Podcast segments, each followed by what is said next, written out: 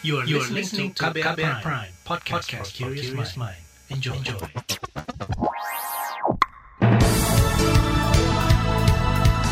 Selamat pagi saudara, senang sekali kami bisa menjumpai Anda kembali melalui program Buletin Pagi KBR edisi Kamis 31 Desember 2020. Bersama saya Agus Lukman, sejumlah informasi pilihan telah kami siapkan, di antaranya Front Pembela Islam FPI resmi menjadi ormas terlarang. Indeks harga saham gabungan IHSG ditutup melemah di akhir tahun. Bupati Jember Jawa Timur terkena mosi tidak percaya dari bawahannya. Inilah Buletin Pagi selengkapnya terbaru di Buletin Pagi. Pemerintah mengumumkan organisasi Front Pembela Islam FPI sebagai organisasi terlarang. Hal itu karena FPI tidak memperpanjang surat keterangan terdaftar atau SKT di Kementerian Dalam Negeri sejak 21 Juni tahun lalu.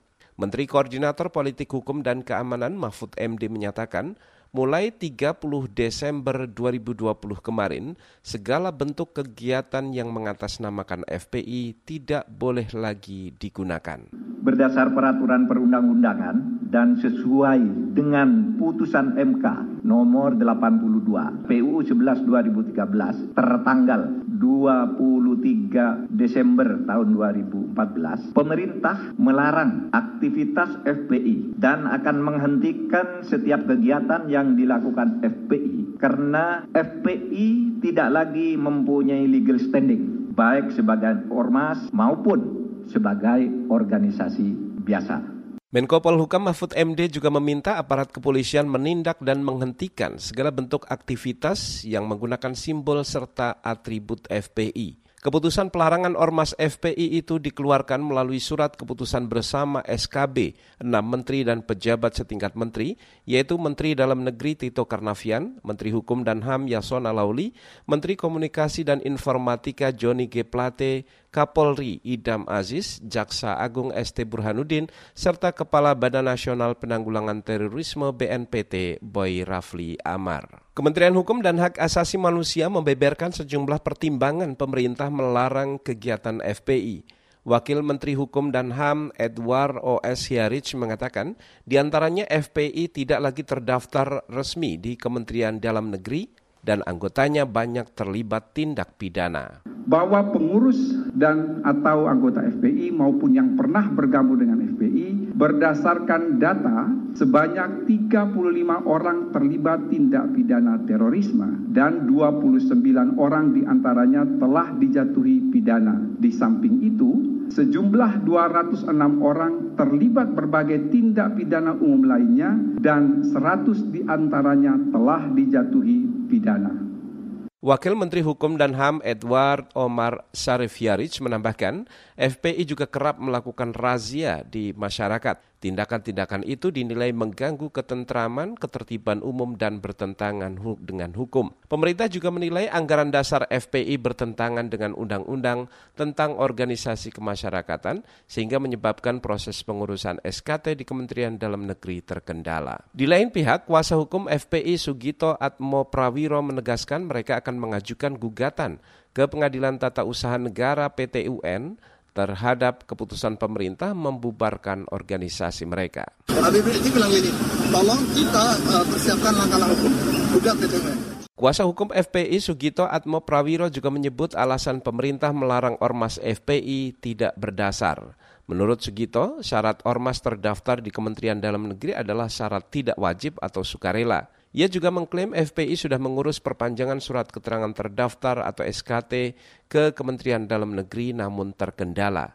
Kemendagri menyebut kendala ada pada anggaran dasar dan anggaran rumah tangga FPI. Sementara itu, Koalisi Masyarakat Sipil menilai keluarnya surat keputusan bersama atau SKB Menteri dan pejabat setingkat menteri yang menyatakan FPI sebagai ormas terlarang bertentangan dengan prinsip negara hukum, terutama terkait kebebasan berkumpul dan berserikat. Koalisi masyarakat sipil terdiri dari sejumlah LSM seperti Yayasan Lembaga Bantuan Hukum Indonesia YLBHI, Kontras, Pusat Studi Hukum dan Kebijakan PSHK, PBHI, dan lain-lain. Ketua Bidang Advokasi dari YLBHI Muhammad Isnur mengatakan, organisasi yang tidak memperpanjang surat keterangan terdaftar atau SKT di Kementerian Dalam Negeri seharusnya tidak langsung dinyatakan bubar secara hukum. Isnur juga mempersoalkan sikap pemerintah menggunakan landasan Undang-Undang Ormas untuk membubarkan FPI karena undang-undang yang lahir dari Perpu itu juga bermasalah dan memungkinkan pembubaran ormas secara sepihak tanpa proses pengadilan. Saudara hari ini Kiriman vaksin COVID-19 kembali datang dari Tiongkok. Informasi selengkapnya hadir sesaat lagi, tetaplah di Buletin Pagi KBR. You're listening to KBR Pride, podcast for curious mind. Enjoy!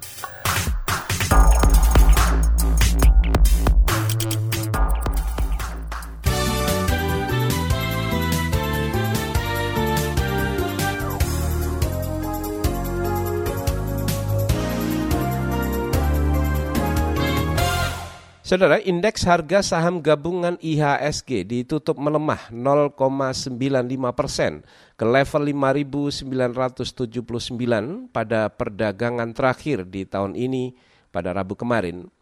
Data di Bursa Efek Indonesia kemarin mencatat nilai transaksi perdagangan di hari terakhir 2020 mencapai 14,02 triliun rupiah dengan volume perdagangan 22,8 miliar saham dan frekuensi perdagangan sebanyak 1,16 juta kali transaksi.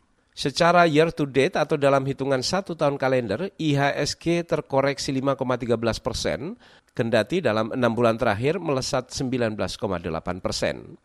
Direktur Utama Bursa Efek Indonesia Inarno Jayadi menyampaikan perkembangan pasar modal di penghujung tahun 2020 telah mengarah ke jalur yang sangat positif. Respon pasar tercermin dari kinerja indeks harga saham gabungan yang menunjukkan perbaikan di semester 2 2020 diikuti dengan lonjakan likuiditas perdagangan yang mencapai 9,18 triliun per hari dan jumlah frekuensi perdagangan yang mencapai yang mencapai tren tertinggi bahkan membukukan jumlah frekuensi per, uh, perdagangan tertinggi di antara bursa-bursa kawasan ASEAN dalam tiga tahun terakhir. Direktur Utama Bursa Efek Indonesia BEI Inarno Jayadi menjelaskan sepanjang tahun ini ada 51 perusahaan baru yang mencatatkan diri masuk bursa. Total jumlah perusahaan yang mencatatkan sahamnya di Bursa Efek Indonesia kini mencapai 713 perusahaan.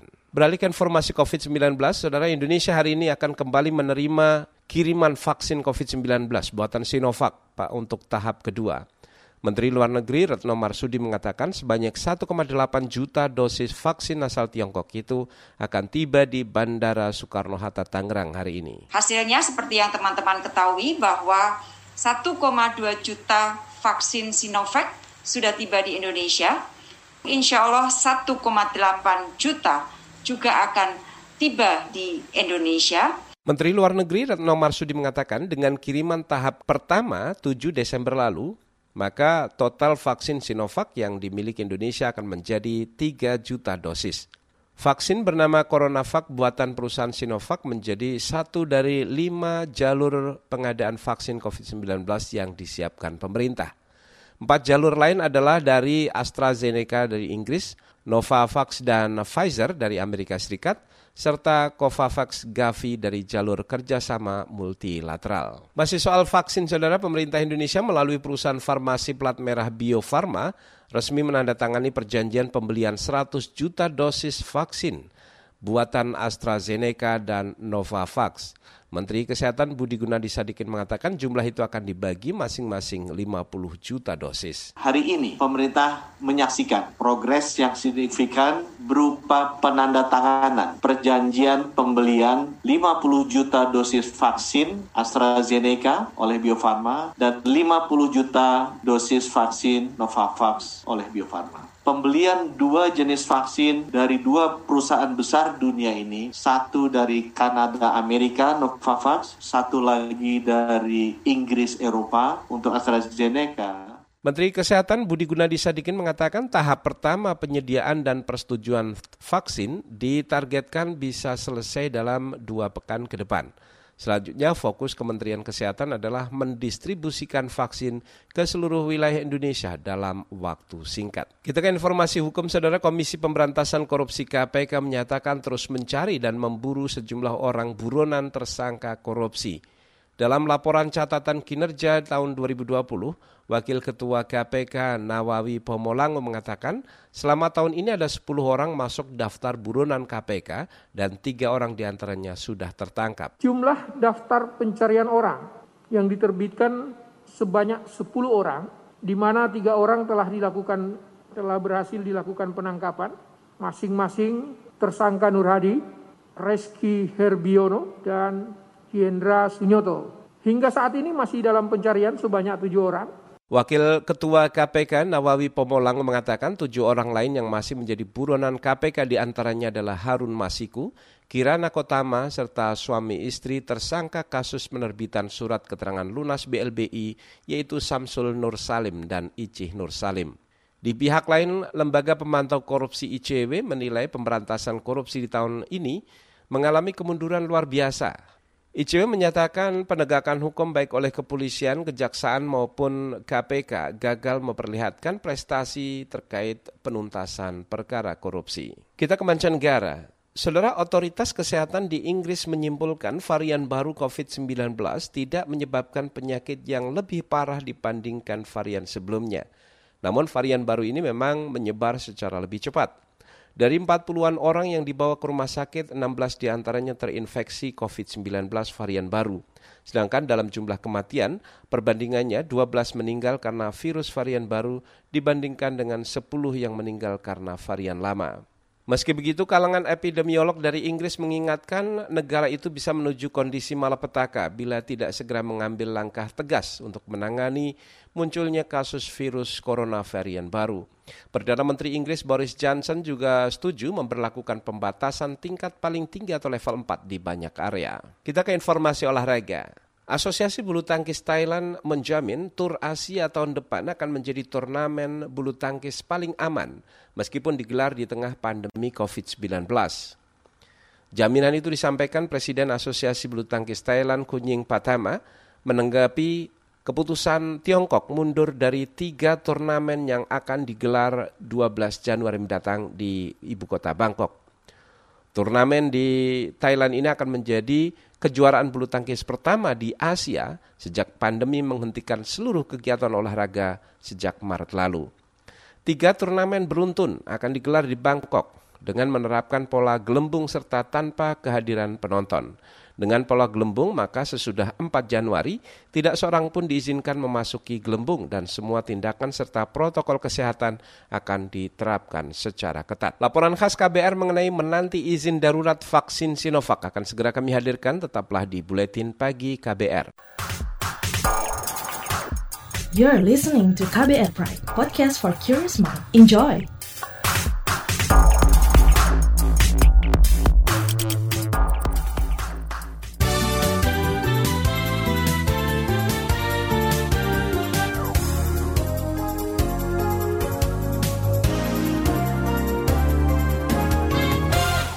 Anda masih bersama kami di Buletin Pagi KBR.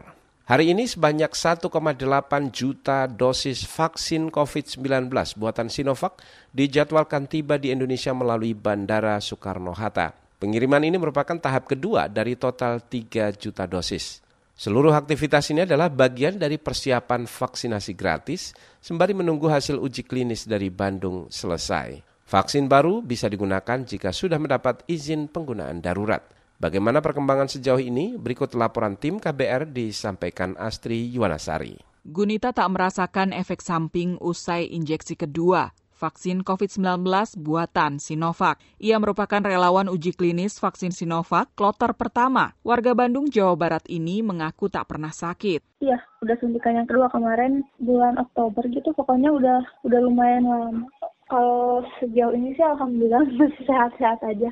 Nggak pernah flu atau demam juga belum pernah sih, alhamdulillah. Kondisi kesehatan Gunita dan relawan lain juga terus dipantau. Desember lalu, ia sempat diambil darahnya di Puskesmas Dago. Gunita mendapat informasi bakal ada pemeriksaan sekali lagi pada Maret tahun depan. Namun belum ada kabar apakah relawan bakal diberi vaksin gratis dari pemerintah cuman ngambil sampel darah doang waktu terakhir. Karena soalnya termasuk golongan yang pertama, jadi diambil juga. Jadi cuma beberapa orang gitu. Kalau di jadwal yang terakhir mah masih ada pemeriksaan bulan saya bulan Maret. Rohaini relawan lain juga tidak merasakan keluhan berarti usai menerima suntikan vaksin Sinovac. Ia sudah mendapat injeksi kedua sejak Agustus lalu.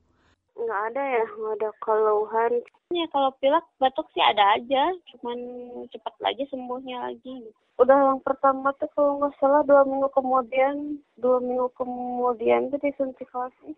Rohaini tak banyak mendapat informasi soal perkembangan atau kelanjutan uji klinis vaksin. Komunikasi dengan Rumah Sakit Pendidikan Universitas Pajajaran hanya sebatas pesan singkat atau telepon. Belum tahu, belum ada aja, nggak ada kabar apa. Nggak dikasih tahu sekarang, jadi via WA aja di telepon. Tertutup yang tertutup gitu. Uji klinis vaksin Sinovac di Bandung sudah berlangsung lima bulan dengan 1.600-an relawan. Hingga kini vaksin itu diklaim tidak menimbulkan efek samping serius. Ketua Tim Riset Uji Klinis Vaksin COVID-19 Universitas Pajajaran, Kusnadi Rusmil, Sejauh ini efek samping yang timbul terbanyak adalah reaksi lokal berupa nyeri pada tempat suntikan dengan intensitas mayoritas ringan. Reaksi sistemik juga terbanyak adalah pegal pada otot dan mayoritas juga ringan. Kusnadi menargetkan hasil uji klinis bakal diserahkan kepada Badan Pengawas Obat dan Makanan BPOM pada awal Januari 2021 atau pekan depan. Bulan ini sudah sampai pada pengambilan darah tiga bulan pasca suntikan kedua. Pemeriksaan antibodi dengan metode netralisasi dilakukan di Balit Bangkes dengan metode ELISA di Bio Farma. Laporan interim hingga tiga bulan pasca suntikan kedua akan disampaikan kepada Badan POM pada awal Januari 2021. Selain Indonesia, Sinovac juga melakukan uji klinis di beberapa negara. Brasil dan Turki sudah lebih dulu merampungkan prosesnya. Brasil mengklaim vaksin Sinovac memiliki khasiat lebih dari 50 persen, sedangkan Turki di atas 90 persen. Angka ini sudah memenuhi syarat Organisasi Kesehatan Dunia WHO untuk mendapatkan izin edar darurat. Kepala BPOM Penny Lukito menuturkan telah menerima data hasil uji klinis dari Brasil maupun Turki. Menurutnya, data tersebut konsisten dengan data uji klinis di Bandung. Ia mengisyaratkan bahwa Sinovac bakal mulus mendapat izin darurat di Indonesia. Dalam waktu yang sama nanti kami juga akan share data bersama-sama dengan hasil uji klinik Turki yang sudah menunjukkan hasil yang baik sebagaimana Bapak Ibu ketahui sudah menunjukkan efikasi 91,25 persen dan saya kira juga data-data yang lain juga konsisten dengan data-data yang didapatkan di Indonesia. Saya kira Pemberian dari Majlis Authorization ini juga akan melalui proses percepatan, namun tetap aspek manfaat yang akan didapatkan adalah lebih tinggi dibandingkan aspek resiko yang ada. Penny juga membuka peluang Sinovac bakal bisa digunakan untuk lansia. Pasalnya, saat ini uji klinis tengah berjalan di beberapa negara. Jika efikasi untuk lansia terbukti, maka BPOM bisa memberikan izin darurat. Akses vaksin untuk lansia juga bakal bertambah usai pemerintah menggolkan pembelian 50 juta dosis vaksin buatan AstraZeneca. Namun sebetulnya vaksin Sinovac juga sekarang sedang melakukan juga fase 2 untuk lansia. Ya, jadi kita menunggu data tersebut yang sedang dilakukan kalau tidak salah di Brazil dan di Cina sendiri itu ada fase 2. Sehingga nanti kalau ini sudah menunjukkan data yang aman nanti akan keluar emergency authorization yang khusus untuk periode umur yang yang lain ya. Dalam hal ini adalah untuk lansia. Demikian laporan tim KBR, saya Astri Yuwanasari. Informasi dari daerah akan kami sajikan usai jeda tetaplah di Buletin Pagi KBR. Commercial break. Vina, seorang volunteer dari komunitas Biho memberi pesan kepada teman-teman Broken Home untuk dapat bangkit dari keterpurukan dan mampu berdikari jangan sampai kalian menikah saat kalian belum siap. Itu penting banget. Jadi selama masih muda nikmati aja masa mudanya. Carilah hal-hal positif yang bermanfaat buat masa muda kalian. Sehingga nanti kalian ketika pun sudah memiliki pasangan, mau mencari pacar misalkan atau sudah ingin menikah, kalian sudah benar-benar matang agar apa yang kalian alami tidak terjadi kembali kemudian hari. Simak obrolan selengkapnya dalam podcast Disco Diskusi Psikologi dalam episode Bangkit dari Keterpurukan dan Berdikari di kbrprime.id dan platform mendengar podcast lainnya.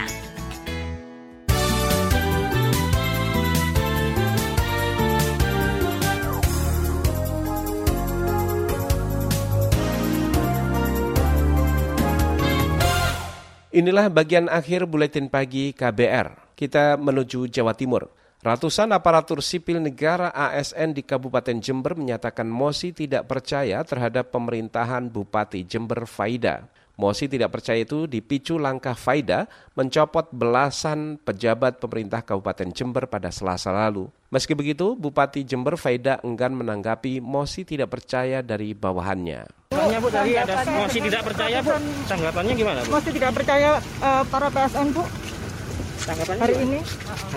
Eh, lagi namu di sini ya. Iya. Tapi sedikit komentarnya sedikit Bu. Terkait dengan mutasi Sudah ada komuni- komunikasi dengan Pak Mungkin Bu? Krisis pemerintahan di Kabupaten Jember muncul setelah Faida kalah dalam pemilihan kepala daerah serentak 9 Desember lalu. Faida kemudian dikabarkan mencopot dan memutasi sejumlah pejabat di lingkungan pemerintahan Jember. Salah satu yang diganti adalah Eko Heru Sunarko dari jabatan Kepala Dinas Pemberdayaan Masyarakat dan Desa karena dianggap melanggar disiplin pegawai negeri sipil. Kita ke Kalimantan Timur, pemerintah kota Balikpapan mulai kesulitan menghadapi jumlah kasus terkonfirmasi positif COVID-19 yang terus melonjak. Ketua Satgas Penanganan COVID-19 Kota Balikpapan, Rizal Effendi mengatakan, seluruh ruang perawatan intensif atau ICU di rumah sakit itu telah penuh dengan pasien. Yang perlu kita waspadai, ini daya tampung rumah sakit hampir habis sudah sekalian. Hari ini sudah 265 orang yang dirawat di rumah sakit di 8 rumah sakit. Seperti catatan kita semula, tempat tidur di rumah sakit itu hanya 300 304 Ya. sudah sekalian. Dan masih terisi penduduk luar juga, Pak. Jadi masih tinggal hanya tinggal 39 tempat tidur dan ICU-nya tidak ada lagi. Ini keadaan yang sangat eh, harus kita waspadai. Ketua Satgas Penanganan COVID-19 Balikpapan, Rizal Effendi mengatakan salah satu langkah yang disiapkan pemerintah daerah adalah mendirikan rumah sakit darurat menggunakan tenda untuk mengatasi lonjakan kasus. Kemarin, saudara, jumlah terkonfirmasi positif di kota Balikpapan bertambah 80-an kasus. Total jumlah terkonfirmasi positif di Balikpapan mencapai 5.800-an kasus dengan 200 angka kematian. Kita ke Sumatera Utara. Kementerian Pariwisata dan Ekonomi Kreatif terus berniat memaksimalkan potensi pariwisata Danau Toba. Menteri Pariwisata dan Ekonomi Kreatif Sandiaga Uno mengatakan, Danau Toba memiliki potensi wisata alam luar biasa yang didukung kearifan lokal dan budaya tradisional. Sandiaga juga bertekad menjadikan desa Lumban Bulbul di Kabupaten Toba sebagai desa wisata percontohan. Dan desa Lumban Bulbul ini adalah salah satu desa yang mudah-mudahan bisa jadi percontohan desa wisata yang lainnya. Karena di Kabupaten Toba ini ada tiga geosite, Pak Menteri Pariwisata Sandiaga Uno menambahkan semua pihak harus bergerak cepat agar kawasan Danau Toba bisa menjadi ikon pariwisata dan ekonomi kreatif unggulan. Informasi tadi menutup jumpa kita di Buletin Pagi hari ini sekaligus menjadi Buletin Pagi terakhir di 2020. Selamat merayakan Tahun Baru 2021 dan tetaplah mematuhi protokol kesehatan 3M, memakai masker, menjaga jarak, dan mencuci tangan dengan sabun. Pantau juga informasi terbaru melalui kabar baru situs kbr.id, Twitter kami di akun @beritaKBR serta podcast di alamat kbrprime.id. Akhirnya saya Agus Lukman bersama tim yang bertugas undur diri. Sampai jumpa tahun depan.